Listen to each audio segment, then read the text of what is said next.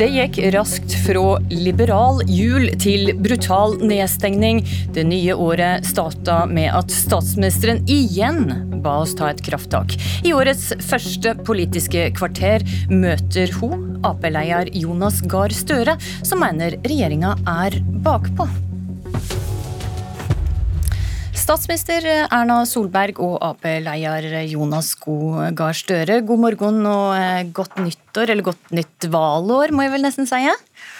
Eh, klokka 18 i går kveld ga du beskjed om full skjenkestopp, at folk må unngå sosial kontakt, og kanskje viktigst, du setter ungdomsskoler og videregående skoler på rødt nivå. Det betyr at eh, om lag halvparten skal ha heimeskole. Det første jeg lurer på, er om elever på ungdomsskole og videregående skole skal de møte opp på skolen i dag, eller ikke?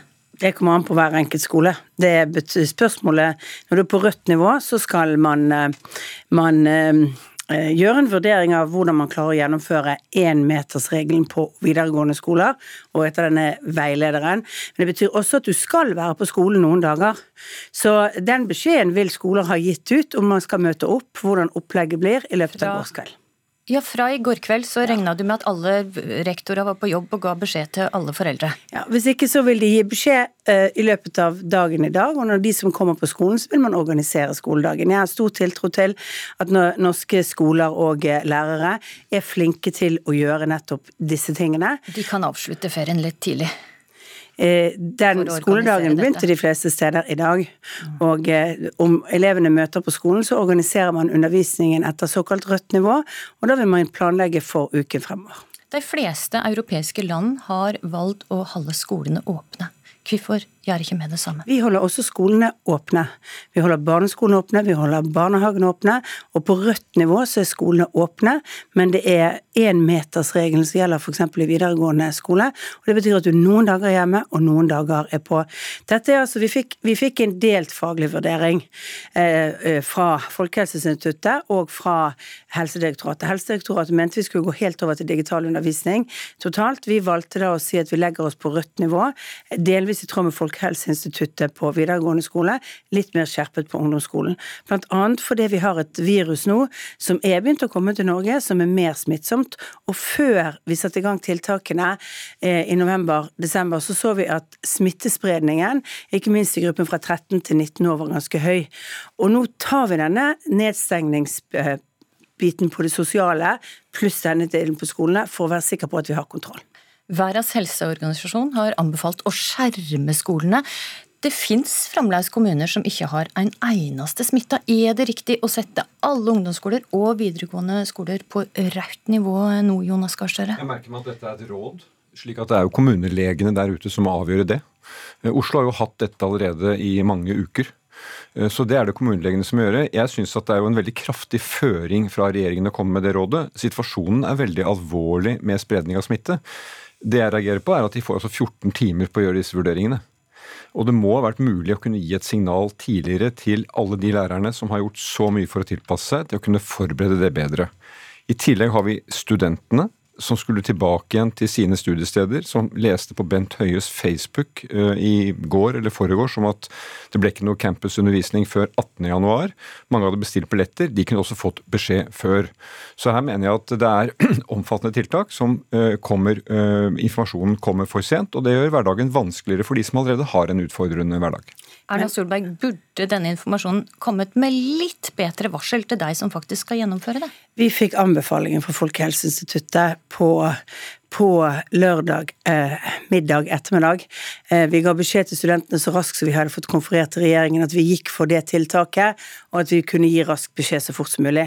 Og Det er viktig å ta med historien at 28.12. så fikk vi beskjed fra Folkehelseinstituttet at de ikke nå ville tilrå nye tiltak, rett og slett fordi det var for usikkert hvordan smittebildet var. De ville vente til begynnelsen av januar med å komme med det. Derfor har vi handlet så raskt som vi har fått disse smittetiltakene. Og vi har forsøkt å følge det faglige grunnlaget for det. Eh, og når vårt faglige grunnlag Grunnen til at dette kommer så seint, er at rådene fra Helsedirektoratet har kommet seint. Det er ikke regjeringa sin feil? Nei, rådene fra Helsedirektoratet kom til oss klokken fire på lørdag. Det kunne ikke gjort noe raskere Vi og hadde- tenkt og forutsett at dette kom til å Eh, skje? vi hadde altså en bestilling til Folkehelseinstituttet for å komme med vurderinger. Deres svar 28.12.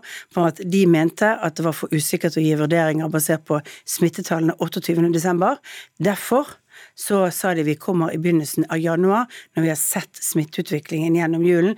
Da kom de med et forslag om en sosial lockdown med de tiltakene som vi i hovedsak i går fremmet. Så vi har altså fulgt de faglige rådene på det tidspunktet faginstansene mente at det var riktig at vi skulle gjøre det. Så kan man godt si at vi hadde tenkt og burde gjort og tenkt på andre måter, men når vi gir en bestilling til fagmyndighetene våre eh, på å komme med en vurdering i romjulen, ja, så er det jo fordi vi vil se om deres råd faktisk er at vi skal gjøre det. Da ville de ikke gi et eller mente det ikke var grunnlag for å gi et råd. Når de ga det rådet, så handlet vi fort. For noe av det viktigste vi gjør mot viruset nå, det er å handle raskt, det er å handle konsist, for å få gjennomslag for de tingene. Så skjønner jeg at dette er krevende for alle som kommer, eh, og alle de som må gjøre endringer. Men det er nettopp det at vi så an julen. Før jul så gjorde vi en vurdering om vi skulle ha en full lockdown i julen og uken etterpå. Da var anbefalingen at det ikke var forholdsmessig fra fagmyndighetene å gjøre det på det tidspunktet. Jonas Gahr Støre, ville du venta for å gi folk litt bedre tid? Det Er ikke viktig å handle Altså, raskt, som statsministeren sier? Vi følger jo dette gjennom mediene. Vi har ingen annen informasjon enn det vi leser gjennom mediene, og det som kommer fra ulike presseorienteringer fra folkehelsemyndighetene.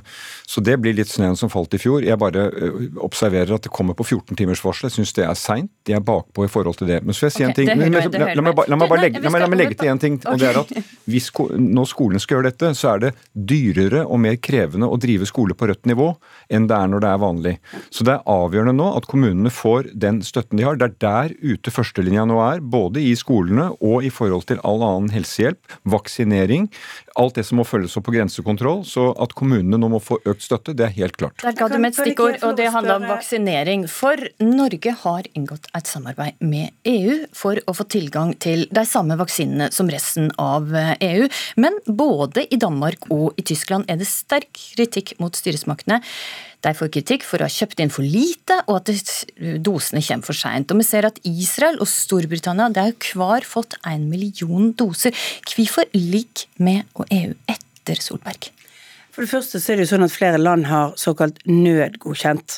Altså gått litt kortere i prosedyrene for å godkjenne vaksinene enn det som man ønsker. Vi har en hastegodkjenning, det er veldig nyanser i dette, men som altså har hatt en faglig større gjennomgang av forskningsresultatene. Det er det som har skjedd i EU. Det syns jeg har vært klokt av EU å gjøre, for det er mye vaksineskepsis. Alle kortere ting du gjør, bidrar til at folk blir mer redd for å ta vaksinen. Og jeg er opptatt av at flest mulig skal ta den. Det er en bit av det. Jo, men og der- dette da- handler jo også om at f.eks. Israel da, de har kjøpt langt flere vaksiner til en langt høyere pris. Kunne vi gjort det samme? Eh, vi trodde jo at på det tidspunktet vi inngikk alle disse avtalene, at det ville være vanskelig for oss å få til det, at vi ville være mer garantert. Og på det tidspunktet så måtte vi satse på ulike. sånn at Vi har inngått mange ulike taler, ta, eh, avtaler med ulike selskaper. Bidrar til å få frem produksjonen av det mellom de avtalene vi har gjort, eh, og som har sørget for at, at vaksineutviklingen har gått så raskt som det er. Og så har vi altså da, så har Israel vært heldig at de de satset på, fikk faktisk vaksine tidlig. De kunne ha satset på feil produsent og fått, eh, måtte vente lengre. Men vi mener at den strategien vi har valgt, gir oss et bredt utvalg av vaksiner. Og så har jeg sagt kanskje vi skal vurdere vaksinestrategi når vi kommer noen måneder ut og vi har fått levert vaksiner og sett hvordan resultatene er. I dag er det store startskuddet over hele landet for vaksinering. Det er nå vi virkelig setter i gang. Og det setter du litt spørsmålstegn ved Støre. Det bare å registrere at vi har fått 50 000 doser, og det er satt 2000 vaksiner. Så vi har jo mye å gå på for å forbruke de vi har. Eh, Jeg er glad for at Folkehelseinstituttet sa i romjulen at eh, man skal gi vaksiner også til helsepersonell. Altså ikke bare gjøre det på sykehjem. Så spørsmålet nå blir jo har vi nok til å kunne vaksinere i den farten vi trenger for å få befolkningen opp? Jeg tror vi må minne om at det vaksinene kommer ikke til å begrense behovet for tiltak, fordi smitten er her. Og det kommer til å ta lang tid før vaksinen kommer til å bety at vi kan skyve det til side. Så mitt spørsmål nå det er er kapasiteten, støttes det nok opp om at vi kan få gjennomført det i tråd med de vaksinene vi har? At vi har inngått dette brede samarbeidet, det tror jeg er klokt. Eh, eh, Israel satset alt på én hest og, og, og traff på den. Vi har vært med på, en, på en, et større prosjekt som jeg tror kommer til å sikre vaksinene, men det er jo kapasiteten til å sette dem og at de når de, de riktige gruppene, som er det viktige. Mm. Og det kommer flere vaksiner etter hvert. Men det er derfor det også er i dag vi begynner den store vaksineringen. Det er fordi kommunene har ønsket nettopp å kunne tilpasse dette. Og når de fikk mulighet til å vaksinere helsepersonell også innenfor det, så følte de et behov for å ha litt ekstra tid til å bli klar for dette. Men vaksinene, Og så er vi jo veldig opptatt av at disse vaksinene brukes med en gang de kommer, nettopp fordi at de ikke har en varighet på mer enn fem dager. Derfor må vi ikke sløse med de ressursene vi har nå. Vi må sørge for at vi har effektiv vaksinering. Så tenker jeg vi skal gjøre denne vurderingen når det har gått noen uker, og sett hvor godt kommunene har vært rustet til å ta det. Mm. Ei ny nedstengning nå kan føre til, eller vil trolig føre til, flere permitterte. Og det i Arbeiderpartiet. Det etterlyser ei utvida kompensasjonsordning for bedriftene. Hva er det det vil at bedriftene skal få? For det første så mener vi at vi er jo altfor sent med den kompensasjonsordningen som skulle gjelde i høst. Den ble avviklet, den vi hadde på vårparten, som da ble vedtatt. Det ble nedlagt i Skattedirektoratet. Da smittebølgen kom i høst, var det ikke noe klart som sto der for å kunne hjelpe de bedriftene som da ble utsatt, og som hadde mye mindre å gå på. Så får vi høre at det skal komme i slutten av januar til Brønnøysundsregistrene. Det får vi håpe at skjer. Men de bedriftene som på grunnlag av det kan gå konkurs, har vært utsatt. Vi har vært foreslått ekstra tiltak for dem. Og så mener vi at de som nå må stenge ned pga. særlige tiltak i utvalgte kommuner, som får omsetningssvikt, ikke fordi de har gjort noe galt, men fordi de er blitt stengt ned, de må få en særlig type støtte. Og de tiltakene som ble innført i går, må følges opp av tiltak overfor de bransjene, uh, utebransjen, uh, sport, trening osv., deler av reiseliv, som nå blir ekstra rammet. Og det forventer vi at regjeringen kommer med. De tiltakene vi har nå, de holder ikke? Nei, de holder ikke. Og ordningen med å kompensere skulle vært på plass. Det at den ikke er på plass, har antageligvis ført til at bedrifter som kunne ha klart seg, går over ende. Og det er et stort ansvar regjeringen har ved å ha vært for sent ute. Arne Solberg, kan du være med å diskutere og utvide kompensasjonsordninga? Den kompensasjonsordningen vi har nå gir en god dekning på såkalte faste kostnader. Og, det som er mest variable kostnader for bedriftene, det er eh, ansatte. Der er det også permitteringsregler som gjelder. Vi mener vi har en god ordning. Vi har en av de beste ordningene som finnes for øyeblikket i Europa.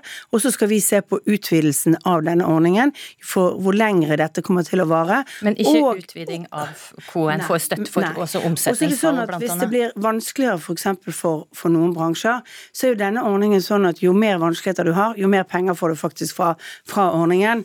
Eh, så det mener vi faktisk er et godt opptilt. Eh, Men så må vi være klar over at vi kommer til å få, eh, få bedrifter som går konkurs. Vi har skjøvet mange konkurser fra i fjor foran oss ved at vi har skjøvet på skatteregninger, vi har skjøvet på mange andre ting. Det vil være en del av de bedriftene som normalt hadde gått konkurs, som kommer til å vise seg som konkurs i løpet av dette året. Fordi at når det blir mer normalisert, så vil også en del komme inn og si at vi kommer ikke til å klare driften vår fremover. Da er det også veldig viktig at vi har en politikk for å skape enda flere arbeidsplasser, for å videreutvikle samfunnet vårt. Og det er blant de tingene vi har sagt når vi har laget veien ut av koronakrisen, er annet å stimulere til grønn vekst, til å stimulere til mer bedriftsetableringer. Okay. Støre, men kan vente oss flere konkurser. Kunne regjeringa gjort noe annerledes for ja, å forhindre dette? Det, det, kunne vi gjort. Vi har altså 200 000 ledige. Jeg mener at det nå er viktig å si nå er det vanlige folks tur. Denne regjeringen har gitt altså i sine ordninger en trippel fordel til de som har uh, mye. Det er formuesskattekutt i hvert eneste pakke de kommer med. Mange mennesker har opplevd en trippel negativ. De, får mister, de blir permittert én gang, to gang. De får ikke feriepenger neste sommer. Kunne regjeringa gjort mer for å, å, hindre at bedrifter går konkurs? Ja, de, var spørsmålet. Ja, de kunne gjort det. For det kunne vært en, opp, det kunne vært en operativ kompensasjonsordning på plass da den andre smittebølgen kom. Vi visste den kunne komme. De kunne forberedt det, de gjorde det ikke. De er bakpå, akkurat som de er med å hindre importsmitten. Det som nå skjer ved norske flyplasser, hvor det nå skal være obligatorisk testing, fører til, hørte vi i går, på Gardermoen, i Bodø og andre steder, til kaotisk tilstand. Også der er vi bakpå, og det er alvorlig, fordi at fremover kommer vi fortsatt til å motta mange som kommer fra utlandet og skal jobbe i Norge, og da må vi ha bedre kapasitet til å ta dem imot på en ordnet måte ved grensene. Okay, Først jo Jonas Gahr Støre være glad for at vi nå har obligatorisk testing. Det tok tid da, å få gjennomslag. Ja, fordi at det aldri har vært et faglig råd før nå at vi, har, at vi bør kunne prioritere dette. Der har de jo gjort helomvending. Ja, Storting, vi har sagt hele tiden at hvis dette blir en faglig anbefaling til oss, så vil vi gjennomføre det. Men det har ikke vært en faglig Det har sagt at dette dette er et tiltak som, som vil gi en falsk og skummel trygghet? Jo. At det er feil bruk av helsepersonell? Og det er det de faglige myndighetene har sagt helt frem til vi nå både har hurtigtester og muligheten til å gjøre det. Men samtidig så er det sånn at Folkehelseinstituttet bl.a. i sin anbefaling om dette har påpekt at hvis dette går utover den vanlige smittesporingen, den vanlige testingen som skjer, så bør testingen i kommunene ha første, første Kunne snakka lenge om dette, men der må jeg dessverre avbryte det, for sendinga er over. Eh, Erna Solberg og Jonas Gahr Støre, takk for at dere kom til Politisk kvarter.